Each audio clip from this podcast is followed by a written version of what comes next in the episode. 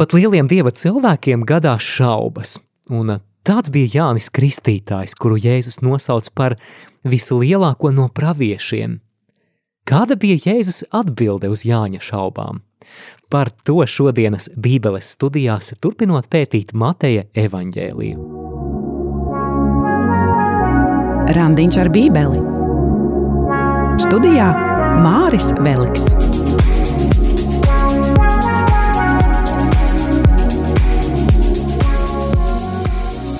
Dieva tēva un dēla un svētā gara vārdā Āmen. Svētais gars, esi tu mūsu galvenais palīgs un skolotājs Dieva vārda studijās. Nāc un dari mūsu sirdis dzīves, dari mūsu sirdis atvērtas Dieva vārda sēklai, lai tas mūsu dzīvē varētu nest labus augļus caur Jēzu Kristu mūsu kungu. Āmen. Dieva tēva un dēla un svētā gara vārdā. Āmen. Esi sveicināts, mīļais Bībeles studētāji, esi sveicināts randiņa ar Bībeli un radio Marija Latvija klausītāji. Mēs šodien sākam studēt jaunu nodaļu Mateja evaņģēlijā, tā būs 11. nodaļa, un šoreiz no 1. līdz 19. pantam. Mēs lasīsim pa drusciņai uz priekšu, un es arī skaidrošu un komentēšu. Lasām pirmo pantu. Un notika, kad Jēzus pabeidza nodot pavēles saviem 12 mācekļiem, viņš aizgāja no turienes mācīt un sludināt viņu pilsētās. Vārdi, kad Jēzus bija beidzis mācīt, tādas skan jaunajā tulkojumā, norāda, ka Mateja evaņģēlija teksts tagad no Jēzus runas pāriet stāstījuma formā. Atcerēsimies, ka Mateja evaņģēlija ir piecas lielas Jēzus runas, un iepriekšējā nodaļā, proti desmitajā nodaļā, mēs lasījām tā saucamo Jēzus misionāro runu, kurā Jēzus misijā sūta savus apustuļus un dot viņiem konkrētas instrukcijas, kā rīkoties evaņģēlijas sludināšanā, un brīdina viņus arī par tām vajāšanām un tām pretestībām, kuras viņi var piedzīvot. Tad nu tagad teksts atkal pāriet stāstījuma formā, un nu jau labu laiku mēs neko šajā evaņģēlijā nebijām dzirdējuši par kādu lielu personāžu, par kuru mēs lasījām Mateja evaņģēlijā trešajā nodaļā. Vai atceries, kurš tas ir? Tas ir skarbais, asketiskais, bet arī intriģējošais Jānis Kristītājs. Un tagad otrajā pantā, 11. nodaļā, Jānis Kristītājs atkal Mateja evaņģēlijā parādīsies. Un šis nav tas vieglākais brīdis Jāņa Kristītāja dzīvē. Viņš ir ieslodzījumā un tur piedzīvo ticības šaubas. Lasām no 2. līdz 3. pantam. Bet, kad Jānis cietumā par Kristus darbiem dzirdēja, viņš izsūtīs divi no saviem mācekļiem, lika tiem viņam sacīt, vai tu esi tas, kam bija nākt, vai mums būs citu gaidīt? Vai Jāņa Kristītāja šaubas izraisīja tas, ka viņš atradās drēgnā, nērtā, netīrā cietuma cellē? Varbūt arī Jānis gluži kā liela daļa jūdu gaidīja, ka Mesija atnāks un ar politiskas un militāras varas palīdzību atbrīvos jūdus no tās nīstamās romiešu okupācijas. Varbūt Jānis gaidīja, ka Mesija, kā viņš savulaik sludināja grēciniekus, kā pelavas sadedzinās ugunī, un Jānis gribēja kaut ko tādu piedzīvot. Mateja evaņģēlijā teksts mums nesniedz konkrētu atbildi. Tomēr mēs redzam, ka Jānis šaubās par Jēzus kā mesijas identitāti. Un tad nu viņš sūta savus mācekļus pie Jēzus ar jautājumu, vai tu esi tas, kam jānāk, vai mums kāds cits ir jāgaida. Un ar vārdiem tas, kam jānāk, mēdz apzīmēt apsolīto mesiju, dieva sūtīto. Ko Jānim atbild Jēzus, jeb precīzāk, ko Jāņa šiem sūtņiem, Jāņa mācekļiem atbild Jēzus. Lasām no 4. līdz 6. pantam. Un Jēzus atbildēja un viņiem sacīja: Noieta pavēstiet Jānim, ko jūs dzirdat un redzat. Akli redz, tīzli iet, spitālīgi top šķīsti un kurli dzird. Mirušie ceļas augšām, un nabagajiem tiek sludināta prieka vēsts. Un svētīgs ir tas, kas pie manis neapgrēcinās. Vai ievēroja, ka Jēzus atbildēt kā rezumē to, kāda bija Jēzus darbība līdz šim? Te ir rakstīts, akli redz, un atcerēsimies, kā Jēzus 9. nodaļā dziedināja divus aklos. Viņš saka, kroplis staigā, un 9. nodaļas sākumā Jēzus dziedināja paralizēto, nu, to, kuru draugi nolaida caur jumtu. Spitālīgie top šķīstīti, atcerēsimies 8. nodaļas sākumu, kur Jēzus dziedināja spitālīgo, viņš teica, es gribu, topi šķīsts. Kurli dzird, Jēzus saka, un mēs varam pieļaut, ka starp tiem daudzajiem izdziedinātajiem, kuri pat šeit nav minēti evaņģēlijā, bija noteikti arī kādi cilvēki ar dzirdes defektiem, bija kurlie, kuri atguva dzirdi. Mirušie augšām ceļās, Jēzus saka, un atcerēsimies arī, kā Jēzus augšām cēla Jaira meitiņu. Un tad sako apgalvojums, un nabagiem tiek sludināta prieka vēsts. Jā, Jēzus to ir darījis, un Jēzus to dara. Atcerēsimies viņa vārdus, atgriezieties no grēkiem un ticiet evaņģēlijam, jo debesu valstība ir tuvu klāt pienākusi. Jēzus atbildēja Jāņa mācekļiem arī vārdi: Ejiet un sakiet visu, ko jūs redzat un dzirdat. Tas nozīmē, ka viņi savām acīm varēja redzēt šādus brīnumus Jēzus kalpošanā. Iedomājieties, ka Jāņa mācekļi atnāk pie Jēzus, tur ir cilvēku pūļi, Jēzus sludina, un viņu acu priekšā patiešām notiek tas, ko Jēzus nu pat arī ar vārdiem aprakstīja, ka kroplis staigā, akli redz, spitālīgi top šķīstīti. Tai vajadzētu būt neaizmirstamai pieredzei.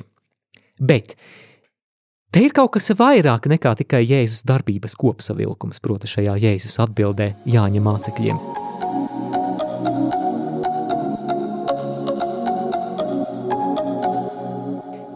Jēzus šeit Jānim liek atcerēties to, kas ir rakstīts vecās derības svētajos rakstos, un konkrētāk pie pravieša Isaja, jeb Jesaja, kā no kurā tulkojumā. Isais pravietoja, ka pēdējos laikos notiks šādas parādības. Tagad uh, atvērsim pravieša Jesajas grāmatu 28. nodaļu, Jesajas 26. nodaļa, 19. pants dzīvos tavi miroņi, līķi celsies, tātad šeit ir apsolīta mirušo augšām celšana. Šķiram tālāk, Jesajas 29, 18. Pravietis saka, tajā dienā kurlie dzirdēs grāmatas vārdus, no miglas tumsas raudzīsies aklo acis. Jā, te ir apsolīta kurlo dziedināšana, te ir apsolīta aklo dziedināšana, Šķiram tālāk Jesajas 35. nodaļu. Jesajas 35 no 5. līdz 6. pantam. Tad aklajam atvērsies acis un atdarīsies kurlā ausis. Tīzlais tad lēks kā briedis un gavilēs nēmajam mēle. Savukārt Jesajas 61. nodaļas pirmie divi panti, un tas ir tas, ko Jēzus kā mēs to lasīsim Lūkas evaņģēlijā 4. nodaļā, Jēzus vēlāk sinagogā lasa tieši šo fragmentu no pravieša Jesaja. Un tur ir vārdi, Kunga dieva gars ir pār mani, jo kungs svaidīs mani pavēstīt labu ziņu apspiestajiem. Viņš mani sūtīs pārsiet salauztas sirdis, vēstīt gūstekņiem brīvību. Jā, šeit ir runa par prieka vēsts sludināšanu, Un tad nu Jēzus norādot uz to, kā viņa darbība atspoguļo to, kas ir apsolīts Dieva vārdā, viņš Jānim Kristītājam apstiprina, ka viņš ir apsolītais mesija.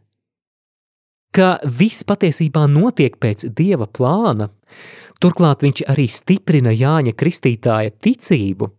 Atcerēsimies, ka Jānis ir sācis šaubīties, pamatojot viņa ticību Dieva vārdā. Tālāk Jēzus turpina ar vārdiem: Laimīgs ik viens, kas pie manis neapgrēcināts.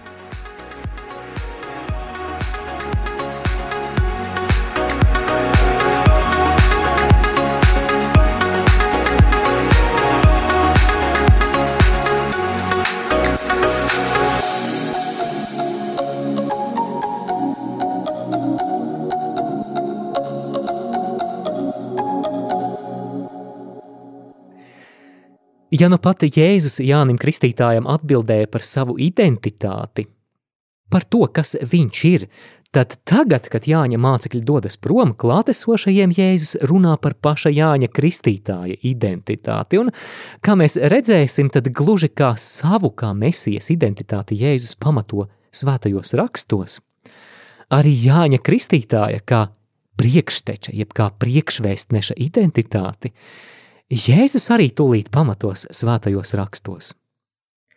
Bet vispirms viņš uzsāk ar tādiem retoriskiem jautājumiem, lasām no 7. līdz 9. pantam. Kad tie aizgāja, Jēzus iesāka ļaudīm runāt par Jāni. Ko jūs esat izgājuši tuksnesī skatīt, vai niedri, ko vējš šurpu turpu šauba? Vai ko citu redzēt esat izgājuši? Cilvēku mīkstās drānās tērptu? Redzi, kas mīkstās drānas valkā, tie ir ķēniņu namos. Vai ko citu redzēt esat izgājuši kādu pravieti? Jā, es jums saku, tas augstākais nekā pravietis ir šis. Vai jūs nācāt niedri skatīties, ko vējš šūpo? Cilvēks, kurš ir kā vēja šūpota niedre, ir tāds, kurš svārstās, kuru ietekmē cilvēku viedokļi, vienu dienu tā, citu dienu tā. Nē, Jānis neatbilst šim aprakstam, vai ne? Viņš sludināja patiesību pat tad, ja tā viņam maksāja brīvību un vēlāk arī dzīvību. Vai jūs nācāt skatīties cilvēku smalkās drēbēs? Jēzus jautā, protams, ka nē. Atcerēsimies, cik asketiski tērts bija Jānis Kristītājs. Mateja 3.4 mēs lasām, ka Jānis valkāja kamieļu vilnas drēbes un ādas jostu ap gurniem. Vai jūs izgājāt pravieti skatīties? Un jā, Jānis ir pravietis, bet Jēzus piebilst, ka viņš ir pat vairāk nekā pravietis, un jautājums kāpēc? Ne tikai tāpēc, ka viņš ir sagatavojis ceļu gaidāmajam mesijam, bet arī tāpēc, kā mēs to redzēsim nākamajos pantos, ka pats Jānis Kristītājs ir vecās derības pravietojumu piepildījums savā ziņā. Ieklausies, lasām 11. nodaļas 10. pantu. Šis ir tas pats, par kuru rakstīts: Raugies, sūta savu eņģeli tavā priekšā, kas sataisīs ceļu priekš tevis. Šeit Jēzus citēja divas vecās derības rakstu vietas. Pirmā no izceļošanas grāmatas 23. nodaļas 20. pants, viņš citē tajā laikā populāro sengrieķu tulkojumu, jeb no septuagintas tā saucamās, redzi, es sūtu savu vēstnesi tavā priekšā. Atcerēsimies izceļošanas grāmatu. Izceļošanas grāmatā ir runāts par Izraēļa tautas iziešanu no Ēģiptes. Un tagad Jānis Kristītājs ir tas, kurš ir izvedis tautu tuksnesī, lai ievestu tos jaunā pestīšanas apsolītajā zemē. Otra rakstu vieta, ko Jēzus šeit citē, ir no mazajiem praviešiem, respektīvi Malahija grāmata, 3. nodaļa, 23. pants viņš sagatavos ceļu tavā priekšā. Tātad pēc Malahija Jānis Kristītājs ir tas, kurš sagatavo ceļu mesijam, un pravietis Malahijs, to, kurš sagatavos ceļu, identificē ar lielo vecās derības pravieti Eliju. Un Jēzus tieši Jānī Kristītājā redz šo pravieti, kurš Elija garā sagatavos Izrēļa tautu grēku nožēlai. Evanģēlists Lūka to izsaka vārdos: Viņš nāks Elija garā un spēkā. Tas ir par Jāni Kristītāju. Jau Jāņa Kristītāja apģērbs, es jau par to runāju arī epizodē, kurā mēs runājām par to, kā Jānis Kristīja pie upes. Mēs runājām, ka viņa apģērbs bija pārsteidzoši līdzīgs pravieša Elija apģērbam, kā tas ir aprakstīts vecajā derībā. Patiesi es jums saku, No sievām dzimušie neviens nav cēlies lielāks par Jānu Kristītāju, bet vismazākais debesu valstībā ir lielāks par viņu. Tātad Jānis ir lielākais no vecās derības praviešiem.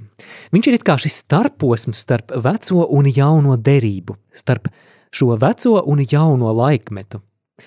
Viņš ir pēdējais, kurš norāda uz visu vecās derības ilgu un cerību piepildījumu, uz Mesiju Jēzu Kristu, un šajā ziņā viņš ir lielākais no praviešiem. Bet tomēr Jēzus piepilst kaut ko pārsteidzošu, ka mazākais debesu valstībā ir lielāks par viņu. šeit Jēzus nekādā ziņā nevēlas kaut kā mazināt Jāņa svētās dzīves paraugu. Tas, ko viņš šeit dara, viņš pretnostāda veco derību un jauno derību, apgalvojot, ka vecās derības pravieši tikai no tālienes noraudzījās uz jauno derību, bet pilnībā nebija tās svētību dalībnieki. Un arī Jāņa Kristītāja traģiskais liktenis, kā mēs arī tālāk lasīsim, Jāni padarīja par to, kurš it kā ar vienu kāju jau bija iekāpis jaunajā laikmetā, bet kuram tomēr nebija lemts iekāpt tajā līdz galam. Varētu teikt, ka Jānis vēl palika pie tā jaunās derības sliekšņa. Tuvu, tuvu, tuvu, bet vēl ne līdz galam. Un tad no Jēzus saka, ka pat mazākais jaunajā derībā ir lielāks par Jāni. Un eh, varbūt, dārgo klausītāji, tu neuzskati sevi par baigo pravieti, un varbūt tu neredzi kaut kādus lielus panākumus savā dzīvē, un kas tad it kā tu varētu būt salīdzinot ar Jāni Kristītā? Nu, vismaz tu tā domā. Nevērtē sevi pārāk zemu. Ieraugi, kā Jēzus tevi redz, viņš saka, ka pat mazākais jaunajā derībā ir lielāks par Jāni Kristītāju. Vai tu novērtē, kāda privilēģija ir tev būt par jaunās derības dalībnieku? Mateja evaņģēlijā 13. nodaļā mēs lasīsim Jēzus vārdus, es lasu, lasu tagad no 16. panta, bet svētīgas ir jūsu acis, jo tās redz, un jūsu ausis, jo tās dzird.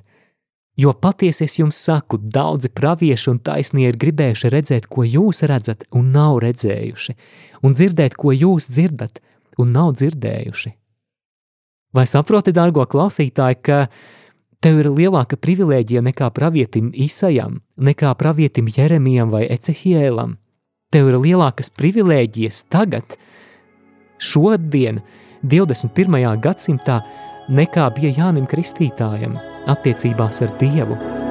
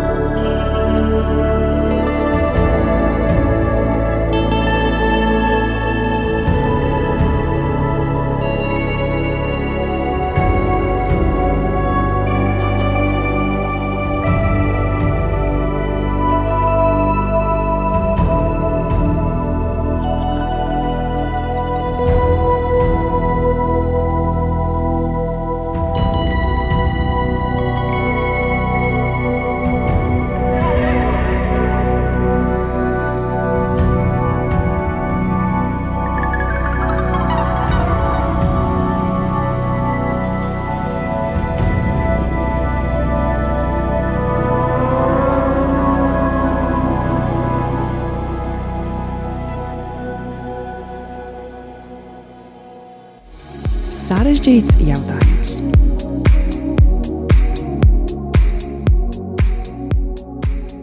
Tālāk seko ļoti grūti interpretējami vārdi, un tos mēs lasām no 12.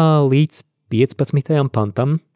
Bet no Jāņa Kristītāja dienām līdz šim laikam debesu valstība ir cietusi uzbrukumus, un varas lietotāji to gribējuši nolaupīt, jo visi pravieši un bauslība pravietojuši līdz Jānim – Un, ja jūs gribat pieņemt, viņš ir Elija, kam bija jānāk, kam ausis dzirdēt, tās lai dzird. Es nolasīšu 12. pantu jaunajā tulkojumā. No Jāņa Kristītāja dienām līdz pat šim laikam debesu valstība tiek pakļauta vardarbībai, un varmākas cenšas to sagrābt. Mīļo klausītāji, visās man pieejamajās komentāru grāmatās par Mateja evaņģēliju ir norādīts, ka šī ir ļoti grūti saprotama rakstu vieta, un tāpēc nav brīnums, ka ir arī ļoti atšķirīgi skaidrojumi. Piemēram, viens populārs skaidrojums, ko esmu kaut kur manījis garīgās dzīves literatūrā, ir saistīts ar askēzi, ka šeit ir runa par askēzi, ka tā debesu valstības disciplīna, garīgās dzīves disciplīna, kas ar to ir saistīta, varbūt arī ļoti skarba, šajā ziņā kaut kas līdzīgs vardarbībai. Tomēr vairums mūsdienu komentētāju par ticamāku uzskata citu skaidrojumu. Proti, ka jau kopš Jāņa Kristītāja kalpošanas Jēzus atnestā debesu valstība piedzīvo opozīciju un pretestību, un tā tas ir bijis visos laikos. Un šāds skaidrojums, manuprāt, ļoti labi iet kopā arī ar to, ko mēs dzirdējām iepriekšējā, proti, desmitajā nodaļā, ka Jēzus sekotāji tiks vajāti. Un mēs zinām, ka Jēzus sekotāji arī vēlāk tika vajāti. Arī lielākā daļa no viņiem mira mocekļu nāvē. Mēs arī par pašu Jēzu taču zinām, ka Jēzus tika vajāts. Viņš piedzīvoja opozīciju un tik spēcīgu opozīciju pretestību, ka arī mira krusta nāvē. Un šajā ziņā šī debesu valstība ir pakļauta vardarbībai un varmā, kas cenšas to it kā sagrābt. Jau pirms Jēzus atnākšanas bija izplatīta pārliecība starp jūdiem, ka tad, kad Dieva valstība šeit virs zemes atklāsies, paralēli tam būs arī spēcīgas vajāšanas. Un es no daudziem esmu dzirdējis arī mūsdienās pārliecību, un es pat domāju, ka tam ir zināms pamats, ka turpmāk bezdievība pasaulē tikai vairosies vēl vairāk.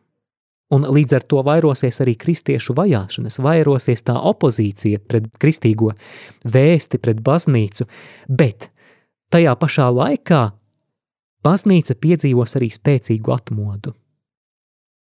Proti, uzskats, ka atmoda nenozīmēs, ka saulīte spīdēs, būs zaļa zālīte, viss būs mierīgi un pilnīga idille.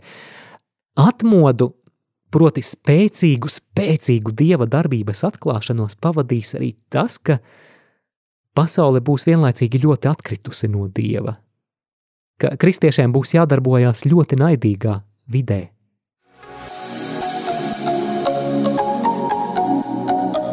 Skan randiņš ar bībeli. Pēdējais fragments, kuru šodien lasīsim, ir par tā laika paudzes neticību, un tas ir fragments Mateja 11. nodaļā no 16. līdz 19. pantam. Edmund, lūdzu. Bet kam es šo paudzi līdzināšu? Tā bērniem līdzīgi, kas sēž tirgus laukumā un uzsauc pārējiem sacīdami. Mēs jums stabulējām, un jūs nedējojāt, mēs jums raudu dziesmas dziedājām, un jūs nesitāt pie krūtīm – Jo atnāca Jānis, ne viņš ēda, ne dzēra, tie saka, viņam ir ļauns gars. Atnāca cilvēka tēls, ēd un dzer, un tie saka, redzi, kāds negausis cilvēks un vīna dzērājs, muitnieku un grēcinieku draugs, un gudrība attaisnojas ar saviem darbiem. Lai runātu par sava laika skeptiski noskaņotajiem gan pret Jēzu, gan pret Jāni Kristītāju, Jēzus šeit izmanto tādu ainiņu no, no tuvo austrumu lauku ciemata ikdienas stabuļu skaņas varēja liecināt, ka kaut kur tuvumā ir kāzas. Jā, tā ir kāzu aina, kad bija stabulētāji, un šī kāzu ballīte stabule šeit atgādina par Jēzu kā līgavaini. Līgavaini, kurš ir atnācis pie savas tautas, un tomēr, tomēr šis kāzu sauciens ir palicis daudz nesadzirdēts. Tāpēc šie vārdi mēs stabulējām un jūs nedējojāt. Tālāk Jēzus šeit izmanto nevienu šo kāzu priecīgu attēlu, bet arī bēru vai sērošanas attēlu. Mēs jums dziedājām raudu dziesmas, un jūs nevaimanājāt. Tas savukārt norāda uz Jāņa Kristītāja kalpojumu, kam ir pavisam cits raksturs. To raksturoja skarba askēze, aicinājums uz gandarīšanu, uz grēku nožēlu un Šajā nozīmē šeit ir domāta šīs raudas un sēras, varētu teikt, grēku nožēlas asaras. Bet arī uz šo atgriešanās aicinājumu daudzi neatsaucās. Tātad šie rotaļu biedri, kuri neatsaucās, ir tie, kas noraidīja gan Jēzus svinības, gan Jāņa grēku nožēlas aicinājumu. Man šķiet, ka mums pašiem nereti ir tendence visu kritizēt. Tā nav labi un citādāk arī nav labi, vai ne? ir kādam tā gadījies. Jebkam mēs atrodam iemeslu piešūties. Kā mēdz teikt, ka tad, kad priesteris sprediķo gari, viņš ir garlaicīgs, ja sprediķo īsi, viņš nav sagatavojies un tā tālāk. Un tā laika skeptiķi atrada iemeslus piesieties gan Jēzum, gan Jānim Kristītājam, lai gan viņu kalpošanas bija ļoti atšķirīgas. Par Jāni Kristītāju runāja, ka viņš ir dēmonu apsēsts, savukārt, kā mēs šeit lasām par Jēzu, teica, ka redz izēdājs un vīna dzērājs, muitnieku un grēcinieku draugs. Lai kādi būtu šo cilvēku apsvērumi, viņi sevi tādējādi noslēdza dieva darbībai. Gan caur Jāņa Kristītāja kalpošanu, gan caur Jēzus kalpošanu, kad Jēzus ir atnācis kā līgavainis. Un 19. Eh, panta beigas, bet gudrības darbi ir pareizi. Tātad gan Jāņa, gan Jēzus kalpošana, lai arī tās ir tik atšķirīgas, atbilst gudrībai, dievišķajai gudrībai, un dažos manuskriptos šis teksts ir izteikts, un šo gudrību attaisno tās bērni.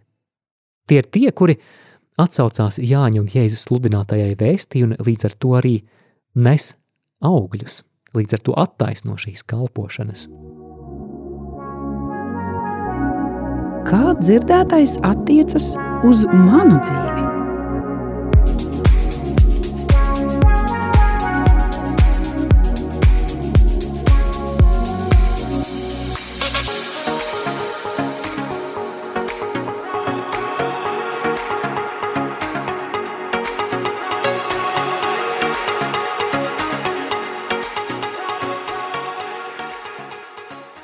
Mīļo klausītāji, pirms mēs pievēršamies šai noslēdzošajai rubrikai, kā dzirdētājs attiecas uz mūsu dzīvi, es vēlos atgādināt, ka šis raidījums skan dienā, kad mēs šeit, Radio Marija Latvija ēterā, svinam brīvprātīgo dienu, un arī es vēlos no sirds pateikties ikvienam Radio Marija brīvprātīgajam.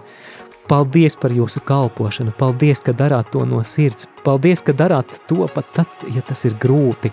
Es vēlos īpaši pateikties gan bijušajiem kalpotājiem, kuri varbūt vairs nekalpo šeit Radio Marija. Es vēlos pateikties esošajiem kalpotājiem, brīvprātīgajiem. Paldies jums! Īpaši es vēlos pateikties ar aizkadra kalpotājiem, jo klausītāji varbūt biežāk grib pateikties tiem, kurus viņi dzird, kurus viņi pazīst kā ētera balsis, bet šeit ir darbīgi cilvēciņi, kuri ēterā nekad nav dzirdami, bet kuri, kuri uzkopja telpas, kuri montē raidījumus un dara citus aizkadra darbus, un es vēlos jums īpaši, īpaši pateikties, un patiešām es ikdienā lūdzos par radio Marija brīvprātīgajiem, es lūdzos par jums, lai Dievs bagātīgi atlīdzina, lai arī jūs nesaņemat savu atalgojumu šeit radio Marija, tad Es lūdzu, lai Dievs ir tas, kurš jums bagātīgi, bagātīgi atlīdzina. Paldies, ka jūs esat, lai Dievs jūs svētī. Bet tagad atgriežoties pie tēmas, kā dzirdētājs šodien attiecās uz mūsu dzīvi, es noslēgumā vēlos atgriezties pie tēmas par šaubām. Jānis Kristītājs, kā mēs lasījām, piedzīvo šaubas par to, vai Jēzus ir īstais mesija. Vēlos šeit dalīties arī savā pieredzē par grēksūdzi saistībā ar šaubām, un tas jau sen bija, kad es piedzīvoju savu atgriešanos. Es, protams, ka piedzīvoju tādu pastiprinātu interesi par garīgām lietām, par dievu, par baznīcas mācību. Es sāku lasīt, interesēties, un tad, lasot par dažādiem baznīcas mācības, ja baznīcas doktrīnas aspektiem, manī radās šaubas – Es sāku šaubīties, vai tiešām tur tā dogma vai, vai tā ticības patiesība, ko baznīca sludina, nu vai, vai tā ir. Un es ļoti pārdzīvoju, jo es sapratu, ka es esmu iemīlējies Dievā, es zināju, ka Dievs mani ļoti, ļoti mīl, un man šķita, ka es viņu it kā nododu, ka es viņu pieviļu caur to, ka manī ir šīs šaubas radušās. Un tad, nu es gāju uz grēksūdzi, Un es priestera klātbūtnē pie šīs grēksūdzes būdiņas teicu, ka esmu grēkojis ar šaubām pret Dievu, ka, ka manī ir bijušas netīšām šaubas par atsevišķiem baznīcas mācības aspektiem. Un uh, priestera atbilde mani pavisam pārsteidza. Priesteris teica, tas, ko tu stāsti par šaubām, tas nav grēks. Es, protams, neatceros precīzi tos vārdus, ko priesteris teica, bet tā ideja bija tāda, ka es redzu, ka šīs nav tādas dumpinieciskas šaubas, ka tu apzināti izvēlies tagad nostāties pret kaut kādām baznīcas mācībām. Šīs ir normālas šaubas, kas var rasties ikvienam cilvēkam, kurš vēlas padziļināt savu izpratni par ticību. Tas, uz ko mudināja šis priesteris, paraudzīties uz šo šaubu labo pusi, proti, ka tev vajadzētu pastudēt vairāk par ticību. Un tas ir labi, ka, tas ir labi, ka tu interesējies par ticības lietām, tev patiešām ir vērts pastudēt. Un, un tad es redzu, ka patiešām šīs šaubas mani mudināja labāk iepazīt baznīcas mācību, urpties dziļāk, saprast, kāpēc baznīca māca tieši tā un ne citādāk. Un tāpēc es šajā noslēgumā arī vēlos, vēlos iedrošināt tos klausītājus, kuri varbūt arī savā dzīvē piedzīvo kādas šaubas. Nebaidieties! Katoliskās baznīcas katehisma 2088. paragrāfā ir nošķirtas tīšas un netīšas šaubas. Jā, tas ir jānošķir. Un, manuprāt, tas, ko mēs varam mācīties šeit no Jāņa Kristītāja, ir meklēt atbildes. Meklē atbildes, tev ir tiesības meklēt atbildes, tev ir tiesības uzdot jautājumus, un Jānis Kristītājs rīkojās tieši tā – viņš uzdod Jēzum kādu ļoti svarīgu atbildi, un viņš saņem pārsteidzošu un dziļu atbildi. Tad, ja tev, dārgo klausītāji, ir šaubas, neļauj tās tevi nospiest un likt padoties. Izmanto šīs šaubas kā resursu, lai augtu savā ticībā, lai meklētu tālāk. Un kā Jēzus ir apsolījis, kas meklē, tas atrod. Mīļo klausītāji, esi Dieva svētīts. Šeit studijā biju es, Māris Veliks. Turpinu lasīt Bībeli.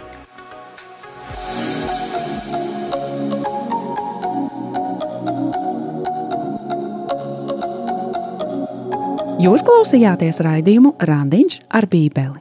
Savas atsauksmes, ieteikumus un jautājumus sūtiet uz e-pastu randiņš ar bībeli at gmail.com.